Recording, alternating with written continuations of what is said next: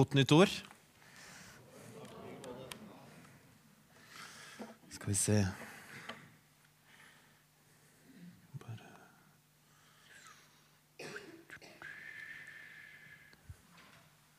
Der er vi på. vet. Det er bra. Godt nytt år, ja. Jeg tenkte det Oi, nå er jeg høy, altså. Det, nei, kanskje ikke det. Bare høres sånn ut. Jeg tenkte det at det var så mye fjas her på julaften, spesielt fra min side. Og andre juledag det var liksom så høyt tempo, så jeg tenkte at jeg fikk et sånt behov for Når jeg satt og forberedte meg til denne søndagen her, så, så hadde jeg egentlig tenkt å si noe helt annet eh, enn det jeg skal si i dag. Og så får heller det komme seinere, for jeg fikk et sånt behov for å eh, ikke om jeg skal gå, si litt dypere, for at, gå litt dypere, for da på en måte gjør jeg liksom fallitt mot det som, som, jeg gjorde de andre dagene. Sier at det ikke var dypt nok, liksom. Men, men eh, jeg fikk et behov for å gå liksom et annet sted. da. Så jeg håper dere er våkne og klare for det, at dere har sovet godt og sovet lenge. For det tar lang tid, rett og slett. Jeg tenkte at vi skulle se på en historie fra første kongebok, som mange av dere har hørt. Eh, og settingen er at eh, altså, Kongebøkene handler jo liksom Første halvdel av første kongebok handler jo om kong Salomo og hans regjeringstid. Og så kommer Elia, og vi skal se på én ting som Elia gjør. Eh, men før dette så, så, altså Før vårt avsnitt, som starter i kapittel 17, i kapittel 16 så står det om, de, om noen av de ulike kongene, bl.a. kong Akab. Eh, og det står at han gjorde det som var ondt i Guds øyne. Eh, han dyrket bl.a. balguder og satte opp sånne påler med bal og, og, og laga tempel for han og sånt. Og så står det at han bar seg verre enn noen av dem som hadde vært konge i Israel før ham. Han var på en måte, han var sånn skikkelig, han var ikke den beste kongen vi har hatt.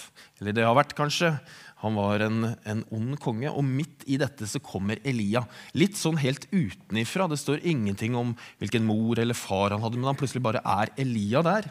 Eh, og så står det at Elia fra, Dette er liksom starten på Elia. Så står det Elia fra Tishbe en av innflytterne i Gilead sa til Akab så av en eller annen grunn så har han kommet inn til kongen. altså Bare det synes jeg er utrolig fascinerende. At en mann som du ikke har gjort noen ting om, kommer inn til den kongen som var ond i Guds øyne. Og så sier han til denne onde kongen, så sant Herren, Israels Gud, lever, han som jeg tjener. De første årene skal det verken komme dugg eller regn utenpå mitt ord. Det er utrolig sprekt å si. Altså, Når du møter en, en av de ondeste kongene liksom, til nå da, i Israels historie, så sier du at det skal ikke komme dugg eller regn i det landet her uten at jeg sier det. Det er ganske sprekt. Eh, og så står det videre da det var gått en tid, så tørknet bekken bort, for det kom ikke regn i landet. Det gikk altså sånn som Elia hadde sagt. Og så Da kom Herrens ord til Elia. Gå straks av sted til Sarepta, som hører til Sidon, og slå deg ned der. Jeg har befalt en enke som bor der, å sørge for deg. Sarepta og Sidon, det ligger utenfor eh, Utenfor Israel, utenfor Jerusalem. Eh, det ligger på en måte i hedningeland. Så når Elia først kommer, så får han på en måte bekken til å størkne, og det slutter å regne. Og så sender ikke Gud han til jødene, men han sender han til, til på en måte hedningene, altså de som ikke var jøder. Eh, for der skulle han slå seg ned, for at Gud hadde befalt en eh, enke å sørge for han. Det var jo mange enker i Israel på den tiden, men han velger altså at han skal sende til en enke i hedningeland eh, syns jeg er fascinerende. Straks gikk, straks gikk Elias sted til Sarepta og kom til byporten. Akkurat da var det en enke der som sanket ved, og han ropte til henne og sa, 'Hent litt vann til meg i en skål, så jeg får drikke.' Da hun gikk for å hente det, så ropte han etter henne, 'Ta også med et stykke brød til meg.' Altså, Han gjør jo det som, vi, som jeg prøver å si til mine barn at de ikke skal gjøre. sant? Og ikke rope. Men han roper til denne enken. Eh, ta med litt brød og ta med litt vann til meg, roper han. Så svarer hun, så sant Herren din Gud lever. Jeg eier ikke så mye som en brødleiv, bare en håndfull mel i krukken og litt olje i muggen. Nå går jeg her og sanker et par vedpinner, og så vil jeg gå hjem og lage til noe for meg og sønnen min. Og når vi har spist det, kan vi legge oss til å dø. Og tenker du, Hva vil du med dette, Martin? På første nyttårsdag skal vi legge oss ned og dø. Men poenget er at denne enken, altså enker var fattige. Eh, og hun her var jo ikke bare fattig. Eh, det var ikke bare at Nav-pensjonen var lav, liksom, men var, hun var svært deprimert og ville hjem og dø. Ikke bare henne, men også sønnen hennes. Jeg vet ikke om du har opplevd noe sånt noen gang. At nå, på, nå orker jeg ikke mer, rett og slett. Nå vil jeg ikke mer. Vi er bare hjem. Om du ikke vil hjem og dø, kanskje du har følt på det òg. Men nå vil vi bare hjem. Orker jeg ikke mer av dette? Det er for mye strev. Jeg vet hva som ligger foran meg neste uke og neste halvår, kanskje. Inn i 2016. Jeg vet ikke om jeg orker. det. Vi er ikke. Vi er bare hjem. Men på tross av dette da, så henter hun det som Elia ber om. Fordi Gud hadde sagt noe til henne. At hun skulle sørge for denne mannen selv om han var israelitt.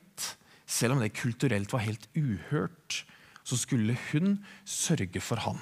Og Elias sier til henne, 'Vær ikke redd', er det første han sier etterpå. Mange ganger har du hørt det. Vær ikke redd.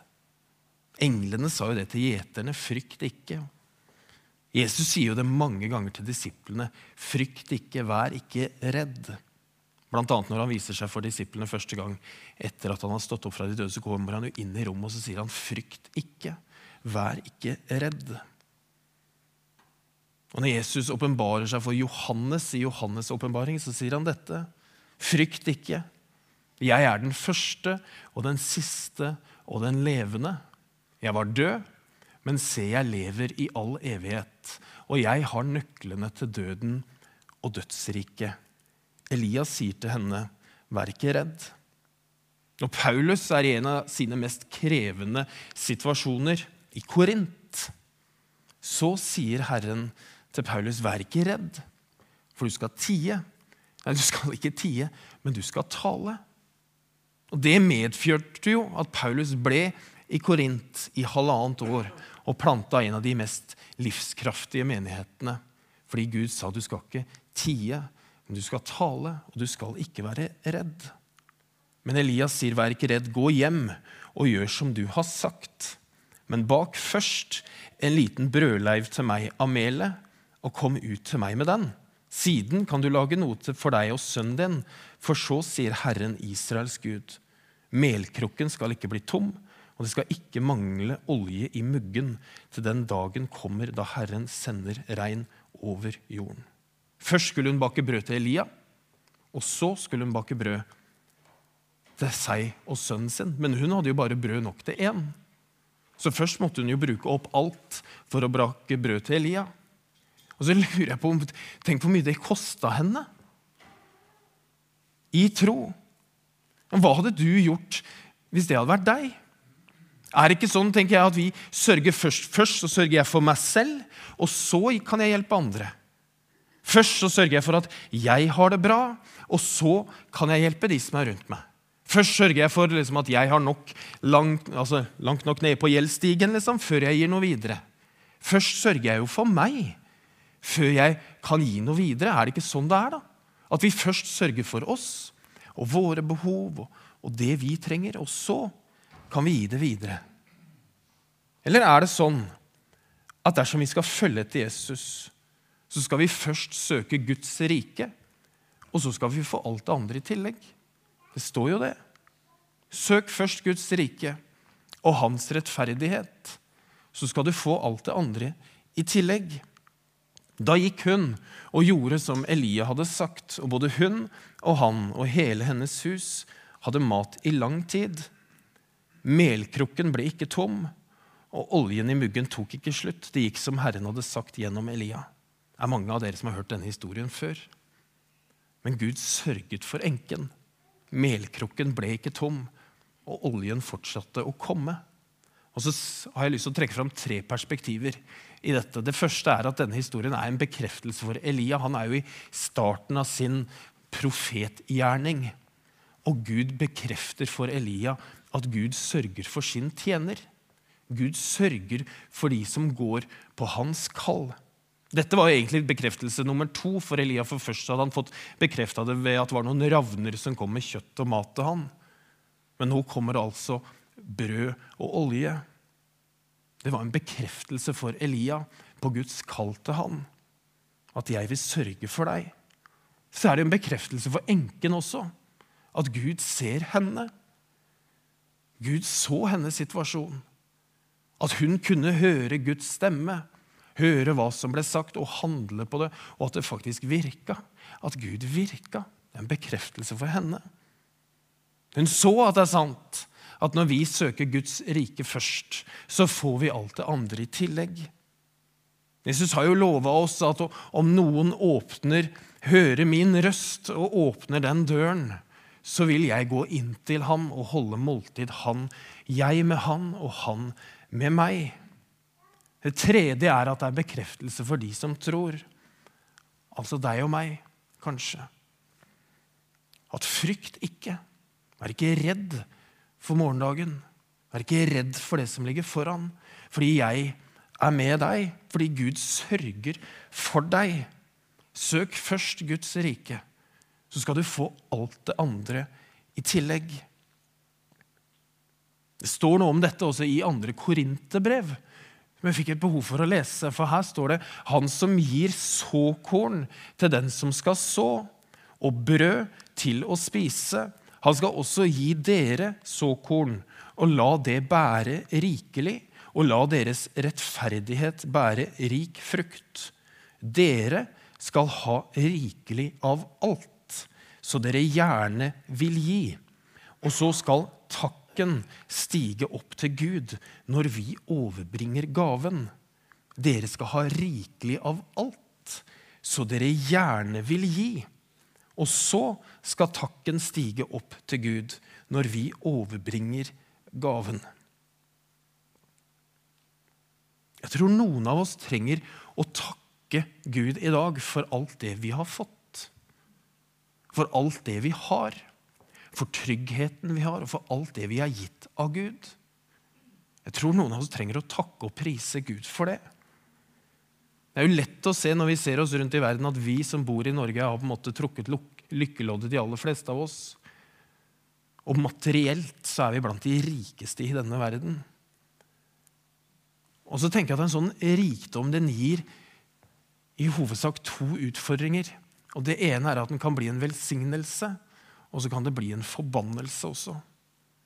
Og så kan vi takke Gud for at vi har fått det vi har fått av Han. Jeg fikk en sånn mail av Hilde, ikke en mail, men en melding av Hilde i går på Facebook, hvor det sto noe om innvandrere og hva vi som menighet kan gjøre med det, og hva det vil si å være menighet i praksis. Og så har jeg tenkt utrolig mye på det. Hva vil det? Vi sier at vi vil være, eller dette er å være menighet i praksis. Hva er det, liksom? Hvordan ser det ut? Hvordan skal vi gjøre det? Hvordan, hvordan ser det ut for oss? Så har ikke jeg svarene på hvordan det ser ut. Ikke for meg eller ikke for Skien misjonskirke, men jeg tror en start kan være at vi faktisk ser hvor rike vi er. Og ikke nødvendigvis bare rike på penger, men rike på veldig mange ting. På kunnskap og på tid, kanskje. Selv om vi ikke ønsker å si at vi er rike på tid, så er vi jo faktisk det. Jeg har en sånn eh, informasjonsslide når jeg har infomøte for liksom nysgjerrige folk som ønsker å bli medlemmer her. Så har jeg en sånn slide som overskriften er 'Hvorfor skal vi gi?'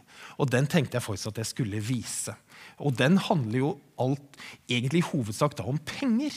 Men så tenker jeg når du ser den nå, og de fem punktene det er eh, Så ikke bare tenk på det som penger, men tenk på det som ressurser du har. Som tid og kunnskap og kjærlighet, hva nå enn det er. Jeg tenkte skulle vise, skulle vi bare gå gjennom det litt sånn kjapt. For da sier jeg alltid 'hvorfor skal vi?' Er det veldig liten skrift? Nei da, det går fint. Hvorfor skal vi gi? Punkt én er at når vi gir, så blir vi mer lik Gud, fordi Gud er en giver. Gud er en raus giver. Han gir det beste han har. Kan vi lese Johannes 3, 16. At Gud ga det beste han har. Gud er en raus giver. Det er liksom utgangspunktet for hvorfor vi gir. Fordi vi gir fordi vi ønsker å bli mer lik Gud. Og når vi gir, så kommer vi nærmere Gud. Det er punkt to. Hjertet følger pengene, står det der. Matteus 6,21, hvor det står 'For hvor din skatt er, der vil også ditt hjerte være'. Så betyr ikke det at vi skal være nullskattytere, for vår skatt er i himmelen. Men, men hvor din skatt er, der vil også ditt hjerte være. Og når vi gir, så motvirker vi materialismen. Det er punkt tre. Det hjelper meg til å gi mer enn å kreve. 1. Timoteus 6 så står det 'forman dem som er rike i denne verden', at de ikke må være overmodige og ikke sette sitt håp til den usikre rikdommen, men til Gud. Han gir oss rikelig av alt for at vi skal nyte det. Vi skal gjøre godt, altså oss. Vi skal gjøre godt, være rike på gode gjerninger, være gavmilde og dele med andre. Slik samler de seg en skatt som blir en god grunnvoll for fremtiden, så de kan vinne det virkelige livet, står det. Nummer fire er når vi gir, så investerer vi i evige verdier fordi vi sender pengene foran oss. I Matteus 6,20 så står det men dere skal samle dere skatter i himmelen, der verken møll eller mark ødelegger og tyver ikke bryter seg inn og stjeler. Siste punktet er når vi gir, så blir vi velsignet. Det er en livslov som fungerer hver gang. Det står i apostelens gjerninger at det er en større lykke å gi enn å få. Hva har dette med Sareptas krukke å gjøre? For det handler ikke bare om penger. Det handler ikke om penger. Det handler om det òg. Men det handler om en holdning. Og så handler det om en prioritering.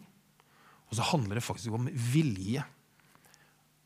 Og så handler det om rekkefølge. Hva mener jeg med rekkefølge? Fordi rekkefølgen er ikke tilfeldig. Fordi først så skal du søke Guds rike, og så skal du få alt det andre i tillegg. Først skal vi søke Guds rike, og så skal vi få alt det andre i tillegg. Og Det handler om å be, det handler om å tilbe, og så handler det om å handle. Om å utgjøre en forskjell, om å være Jesu hender og føtter. Da. Våge å bli skitten på knærne og bli svett under armene. Det handler om å gjøre. Det handler om å ofre noe av sin egen komfort for å hjelpe andre. Så er jo vi på forskjellige stadier i livet, forskjellige stadier i livet alle sammen. Det er vi. Det, jeg, jeg, vet ikke hva måte, som ligger foran deg i 2016. Men jeg har lyst til å utfordre deg til når vi skal, nå skal, skal vi dele nattvær snart, og så skal vi be for året som ligger foran, og det vil være muligheter i uka som kommer, og ha ulike bønnesamlinger hvor vi ber for menigheten, og vi ber for byen vår, og vi ber for oss selv. og sånt. Og så vil jeg bare utfordre deg til, når du går inn i en sånn tilbedelsesfase, at vi ikke bare ser på vår egen navle. På at jeg må oppleve mer av Gud. Jeg vil gjerne se mer av mitt kall, eller Guds kall, i mitt liv.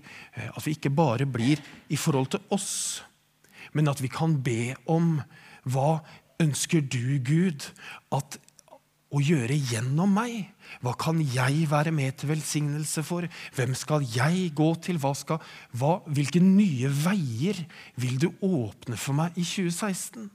Hva, hva, har du lagt foran meg som jeg kan gå inn i? Fordi jeg ønsker å søke ditt rike først. Jeg ønsker å søke din vilje først, for da vet jeg at alt det andre kommer. Da kommer det som en dominoeffekt. Da får jeg alt det andre i tillegg. Men jeg ønsker å søke deg først. Og da Ja. Rett og slett.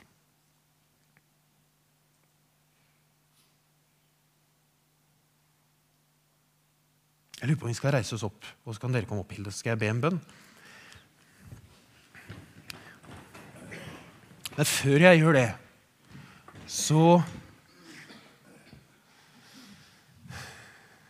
vi, Alle vi vet hva en krukke er.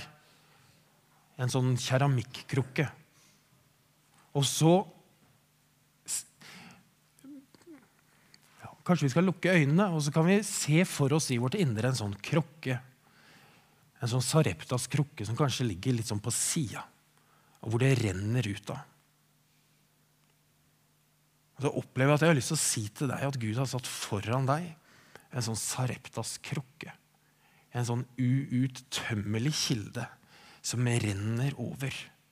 Som renner fram til deg.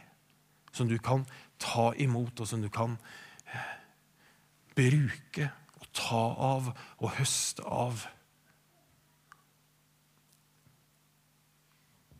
Og som er til deg. Som er din. Og oljen flyter over. Og så er du gitt det til din velsignelse. Og så er det til deg. Og det er ditt. Og det er her nå.